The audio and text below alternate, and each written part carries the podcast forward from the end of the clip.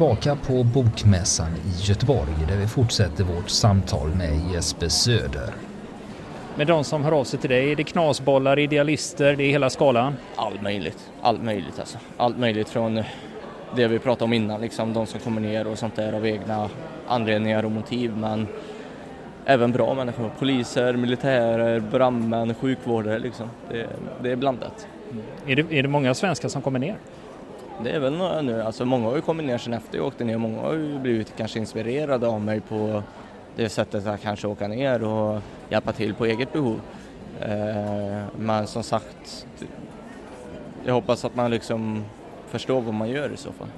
Det är ju en helt annan sak att sitta hemma här i Sverige med fungerande infrastruktur och allting och sen befinna sig i en krigszon med allt vad det innebär. Mm. Hur gick den omställningen för dig förresten?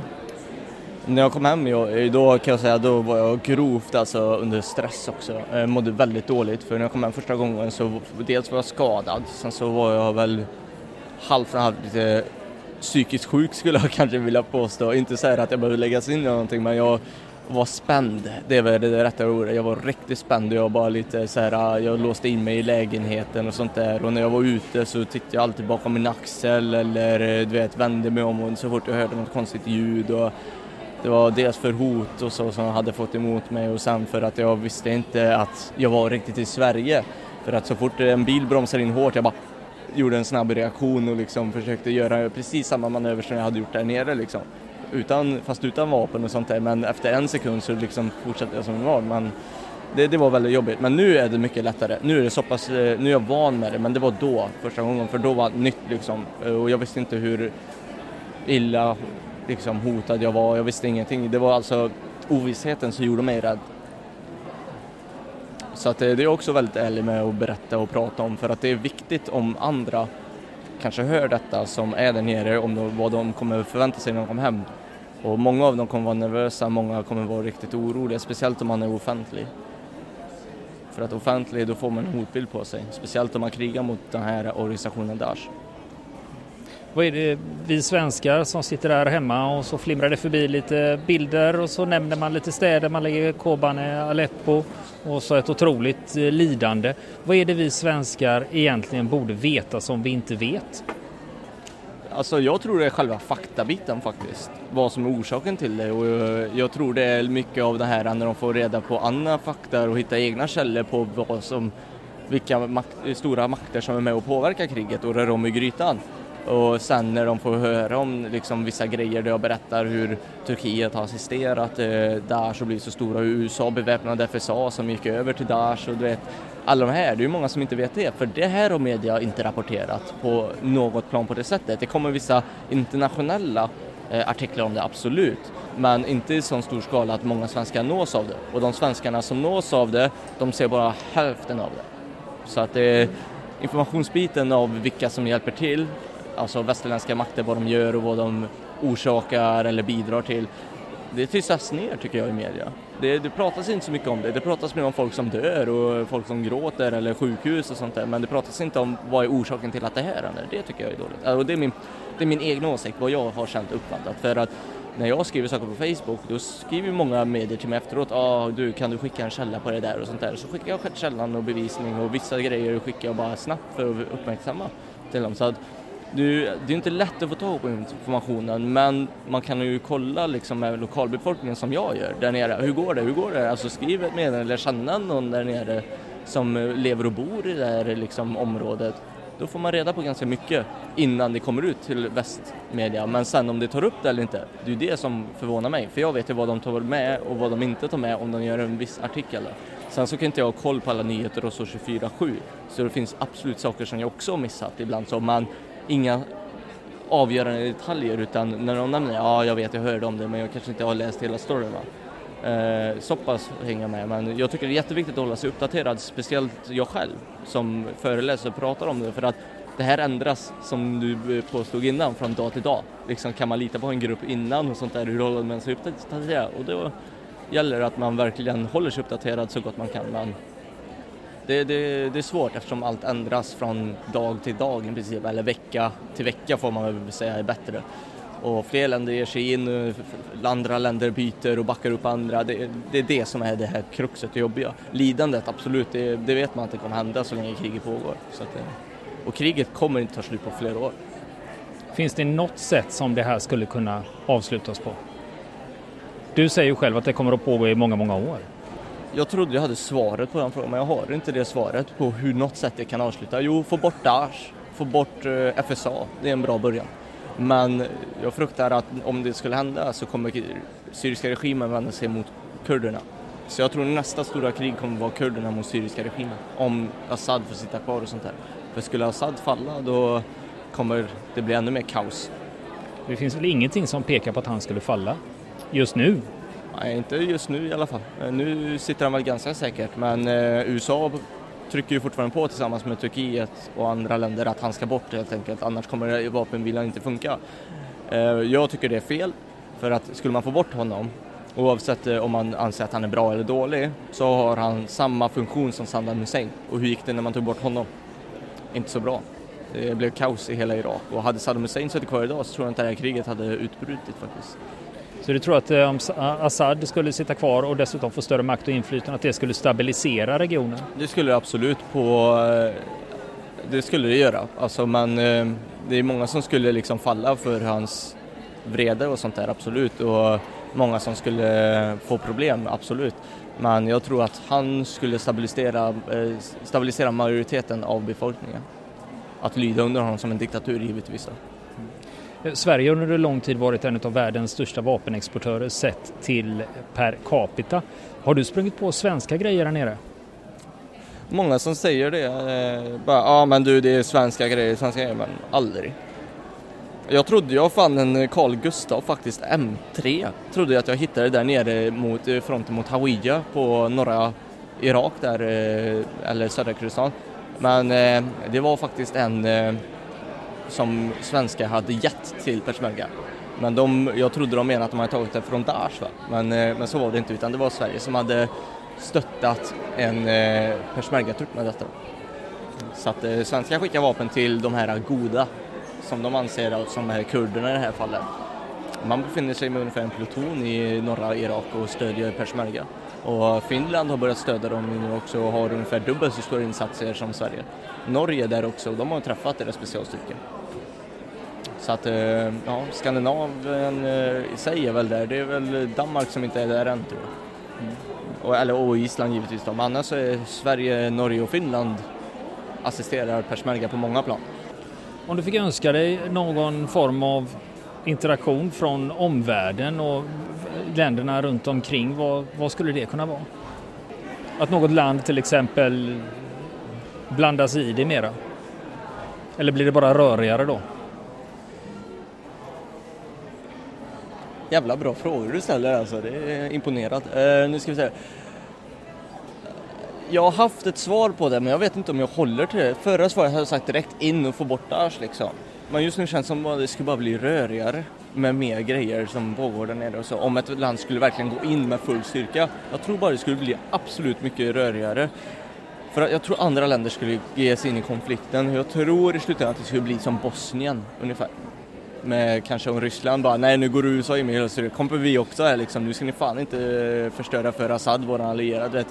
Jag tror att det kan uppstå ett nytt kallt krig eh, av det, tyvärr. Har vi, har vi inte det redan då när det finns USA på ena sidan, Ryssland på andra och ingen jo, av dem vågar kliva in jo, riktigt? Men, det, men alltså, det, är kallt, det är lite mer hot och så skulle jag vilja påstå men det äkta kriget, kalla kriget eller vad man ska säga, det skulle uppstå om USA verkligen går in med full styrka. Va? För att eh, det skulle pressa Ryssland att komma ner för att försvara Assads territorium med olja. För att Ryssland är ju där av intresse att skydda oljereservoarer och sånt där. För att då får han billigare olja av Assad och det underlättar Ruben för ockupationen av Krim då, som eh, EU sanktionerar för att eh, skada Rysslands ekonomi. Men genom billigare olja och naturgasen från Assad och sånt där så blir det inte lika jobbigt för Ryssland. Så att, eh, konflikten där har ju också en grund till Ukraina-konflikten. Vi ska strax avsluta här. Hur ser din plan ut nu framöver?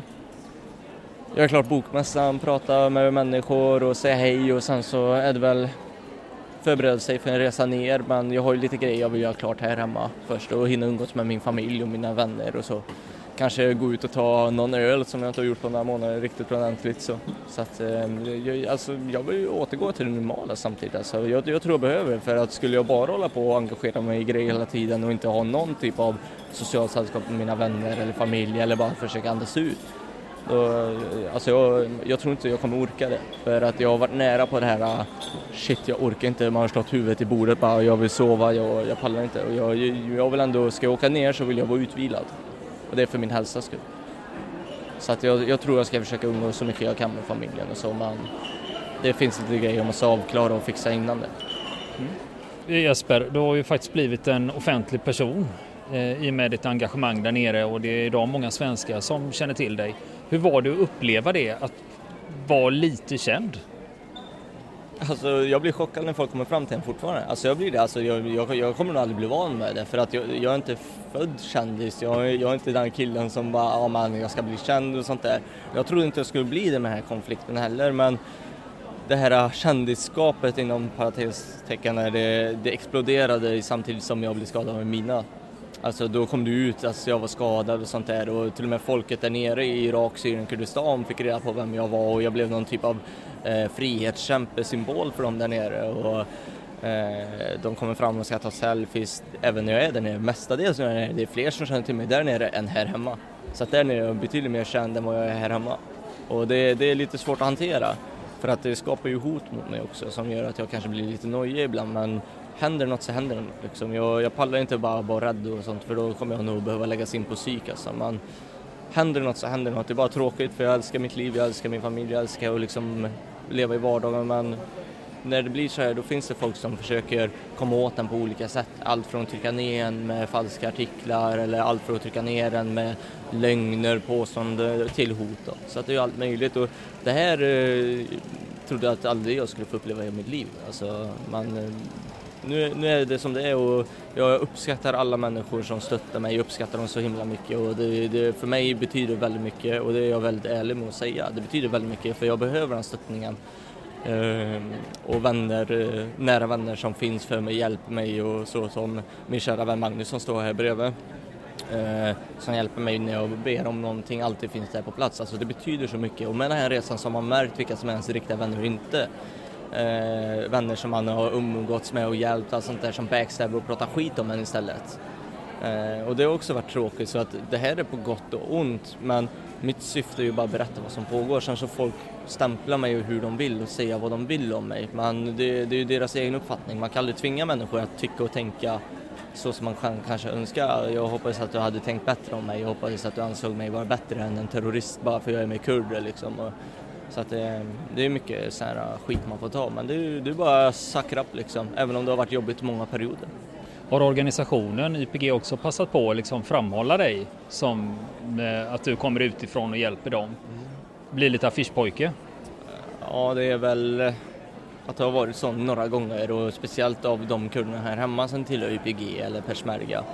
Eh, det var ju de som typ så här bokade in mig på massa så här eh, informationspress och allt, allt, allt. Och det var ju för att de ville jag skulle prata och göra detta och berätta historien. Och jag kunde inte säga nej för då liksom skulle de ju bli besvikna. Du har varit där nere, du har makten och kunskapen att kunna påverka och hjälpa oss. Varför vill du inte göra det om jag hade sagt nej? Då, då hade de sett mig som en typ såhär, ja han är bara där nere för att eh, bli känd eller han är bara där nere för att göra sina egna motiv. Han är inte där för kampen och hjälpa oss. Och med hjälpa oss så menar jag att hjälpa dem på alla sätt jag kan, inklusive så att prata till media och sånt där. Sen att jag har en fördel att prata till det, det, det är väl tack vare mina lärare som lärde mig ganska mycket retorik och använder mycket i så här debatter och så. Det, det är från min skoluppgång och att jag är väldigt väluppfostrad socialt av familjen. Och det, det, är väl, det är många aspekter till hur jag kanske har lärt mig att hantera media nu också. Nu har jag blivit erfaren, nu har jag ju blivit mediavan. Men i början var det inte så, men så mycket har inte ändrats liksom mer än att jag svarar på samma frågor hela tiden. Eller Vad är den vanligaste fallet. frågan då? Nej, men varför åkte du ner? Som du sa, eh, har du dödat någon? Eh, nästa fråga är väl, eh, är du inte rädd? En annan fråga kan vara allmänt, och vad gjorde du där nere? Hur ser din vardag ut? Men eh, det är ju bara för att det ska vara lätt att skriva om det. Men sen så till exempel i denna intervju ska jag ju säga, då har du ju sett det frågor som jag knappt, ja, jag måste ju tänka innan jag svarar. För att Ja, men de andra, andra frågorna och svaren har vi ju sett 200 gånger redan. Ja, ja precis. Och, det, och det, för mig blir det en naturlig grej, absolut, att, att svara på det om de ställer de frågorna. Men för mig är det betydligt mer intressant när man gör det komplicerat. Men det blir jobbigt för de som läser eller lyssnar att förstå om det blir komplicerat om man inte är med från grunden. Så det är det som är jobbigt. Och, men jag tror att för de som är insatta, som kanske kommer lyssna på det här, så är det intressantare för dem att höra de här komplexa frågorna som liksom, är Ryssland där godhjärtat, har de någon baktanke och sånt där. Sådana frågor, lite mer så här konspirationsteorier-frågor, fakt, det kanske är mer faktabaserat från min del, men jag, jag hoppas du förstår vad jag försöker säga. Eh, och det är mer intressant för mig att prata om, för det är så som man också lägger kloka hjärnor ihop och försöker liksom, ja ah, men så är det då, det, så är det där. Och sen så finns det ju bevis för det ena eller det andra liksom. Så att eh, det gör också att man kan göra utslutningsmetoden och liksom den eh, konspirationsteori, men det där är ett scenario som skulle kunna hända. Det där är en trovärdig grej som kan hända för att kunna förutspå vad som händer i framtiden. Så att det tycker jag är jätteintressant att prata om och eh, diskuteras, framförallt med människor där nere. Så jag har ju suttit tusentals timmar sammanlagt kanske och bara vet, suttit och pratat med människor, för att prata med människor. Mm. Första gången jag såg dig, eller hörde talas om dig, det var på, i mitt Facebookflöde dök du plötsligt upp. Och det var innan, nej, det var innan, eh, det var innan media hade nappat på det här. Aha. Och eh, hur gick det här till? Plötsligt så dök det upp där i min, min kompis Facebookflöde. Här är, här är svenska Jesper från Trollhättan. Han ja, åker ner och strider mot det är, också, det är också en sån här uh, udda fråga. Den kommer inte så ofta faktiskt. Men det var ju att när jag kom ner så märkte jag ju liksom att shit, det här har man inte rapporterat om. Det här står ju inte någonstans utan vi vid den här tidpunkten så pratade vi om sådana som köpte gott och blandat men de fick eh, kanske zooapor i påsen istället och att det blev stora artiklar. Och jag bara men come on, liksom, ilandsproblem. Men varför rapporterar vi inte om det verkliga då? Det känns som att det var nyhetstorka eller ja, jag vet inte vad det är. Men jag kände att jag, medan jag är här, då ska jag försöka arbeta lite journalistikmässigt också. Berätta vad jag gör, lite som en halv dagbok fast jag berättar mer, istället för att nu har jag ätit frukost så berättar jag mer händelser som händer under vardagen, typ sådana dagboksgrejer. Eh, bilder, statusar, information och var jag befinner mig och så. Samtidigt så var det ett sätt för mig att visa min familj och släkt att jag mår bra. För att om jag inte gjorde detta, då fick jag hundratals eh, liksom, skriverier av när kära. lever du, lever du, mår du bra liksom. Och det här var ett sätt för dem att hålla sig lite trygg och lugnt och se vad jag gör. Så det var, det var ju mer tänkt att jag skulle informera samtidigt hålla familjen uppdaterad. Men att det blev så här, det skulle jag aldrig kunna tro liksom. Men det, det är ju också lite tack vare kurderna och sen framförallt min vän Magnus som hörde av sig till Expressen bara du, ni borde kolla här har ni en källa som kan faktiskt få er att skriva lite vettiga grejer. Det var ögon och öron för Sverige liksom. Jesper åker ner, ser det här inifrån och, och det, det, är ju det som är grejen med och det här. Och det har jag faktiskt rätt i att det, jag blev ögon och öron för att när jag kom hem, ja, det var ju Nyhetsmorgon som kurderna hade fixat ja. till mig och sen så var det riksdagsledamöter som ville ha träffa mig och sånt där så att det gick ändå upp till topparna liksom. Så att, var ju han lite, lite tjurskallig. Jag försökte få honom inte åka ner från början. Och, eh, eh, mitt sätt att få bort honom från fronten var ju nästan att göra det här. Och få ner honom, som jag sa till dig. För att vara ögon och öron, prata med media istället för att vara kanonmat. Det är inte så roligt. Ja, men, eh, vad heter det? Jag, jag åker ju liksom med på fronten ja. väldigt ofta och jag, jag varierar mitt arbete Men eh, när det händer grejer då, då vill jag vara där och hjälpa till. Liksom. Framförallt göra det jag kan, att jag vill hjälpa människor. Sen är det farligt, men man gör så mycket mer. Och det här är också lika viktigt. Det är många kurder som säger stanna hemma, fortsätt med detta, för det är viktigare. Men gör jag det, då tappar jag ju mycket av min kunskap om jag inte åker ner. Om jag inte är vid fronten och säger precis vad som pågår. Det jag inte säger det är ju militära operationer som ska ske och så, förutom det som är offentligt, vad man kan säga. Eh, men alltså det som är så viktigt är att fortsätta åka ner, behandla kunskapen, fortsätta liksom att prata och interagera, vad heter det, interact with people och alltså fortsätta eh, snacka med dem för att kunna få den här kunskapen som fortsätter hålla den här debatten och diskussionen vid liv och du vet kampen i sig, alltså internationellt vid liv. Så det är jätteviktigt alltså. Och jag har ju pratat med New York Times och Hufflepost, alla de har ju börjat kontakta mig, Daily Mail och The Guardian, de här har ju liksom min Facebook och min mail och de skriver ibland till mig. Men sen vad det är liksom, antingen så kan jag det eller så kan jag inte. Och kan jag det inte, då måste jag ju sätta mig in, då har jag ju missat grejer. Så att därför försöker jag alltid hålla mig uppdaterad med allting för att kunna hjälpa dem och informera eh, vad det är som pågår. Och ibland så har det blivit så att journalister har gjort vissa så här, artiklar och sånt där. De har skickat allting till mig. Kan du kolla om det här stämmer? Och så har jag fått förhandsgranska och titta. Och så ibland har de gjort helt och hållet fel liksom. Och då säger jag påverkar jag bara så vet, kolla upp den faktan där för att det stämmer inte. Så att jag försöker hjälpa tidningen att göra rätt va? för det har varit så många artiklar som Nej, Jimmy det, på löpsedeln. Ja, nej, det, det, har varit så många artiklar som har gjort så jädra mycket fel. Som att istället för att kanske, varför, varför jobbar du som journalist om du skriver helt och hållet fel än vad det är? För att du har lyssnat på någon som inte ens vet vad som pågår. Det, det, folket behöver inte det, för, för folket behöver stöd och hjälp, inte sådana som motarbetar dem. Alltså, och tyvärr så har vi mycket sådana eh, journalister i världen som motarbetar människorna som faktiskt skriker och gråter om hjälp, än att hjälpa dem. Och eh, det är så viktigt att man liksom säger till dem att lägga av liksom. Skriv rätt eller varför skriver du så här liksom? Eh, skriver du för att det är dina personliga eh, värderingar av vad du önskar konflikten eller skriver du bara för att du inte har något annat att skriva om dåliga grejer liksom? Man försöker ändå hjälpa till på alla plan man kan. Men eh, just det där, du nämner just det med journalister och trovärdighet, men eh, om man tänker på din egen trovärdighet, säg att eh, någon i organisationen YPG skulle ställa till med något som inte ser så jävla bra ut. Finns det inte en risk i att man tror att du mörkar det i sådana fall för att inte skada organisationen? Nej, men alltså om någon enskild person gör någonting dumt, de har ju disciplinära straff, alltså man kan ju bli utsparkad, sitta i fängelse och sånt där och allting. De tar ju det här på seriöst. Va? Men om en person gör något dumt så kan man inte säga att hela YPG är så. Och det var ju det många tidningar gjorde, att en person gjorde något kriminellt som inte var bra och han fick straff för det, men ändå så skriver man liksom att hela YPG gör så här. Det är ju det som är fel, för det är ju smutskastning och det stämmer inte. För att det finns, alla organisationer har någon dum människa eller några som gör fel. Och det är ju de som man försöker få bort liksom. Du är inte välkommen, du åker i fängelse, bla bla bla. Men man ska aldrig stämpla en hel organisation för ens person brister och fel.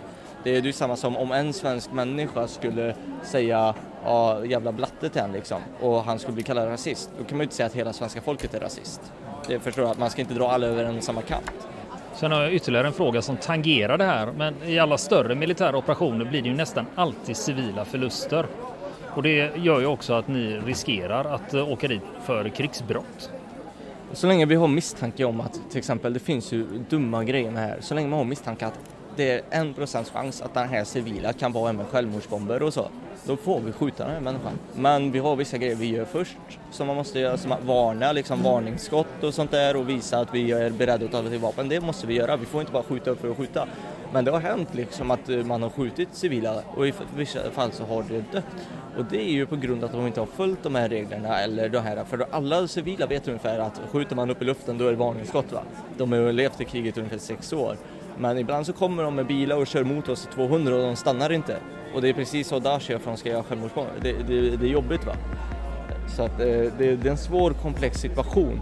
Men i många fall så tystas sådana här grejer ner. Vill ni komma i kontakt med oss så kan ni göra det via vår Facebook-sida som heter Fronten. Det är inga problem för er att leta er fram där. Eller också så mejlar ni på vår mejladress och det är frontenpodcast.gmail.com.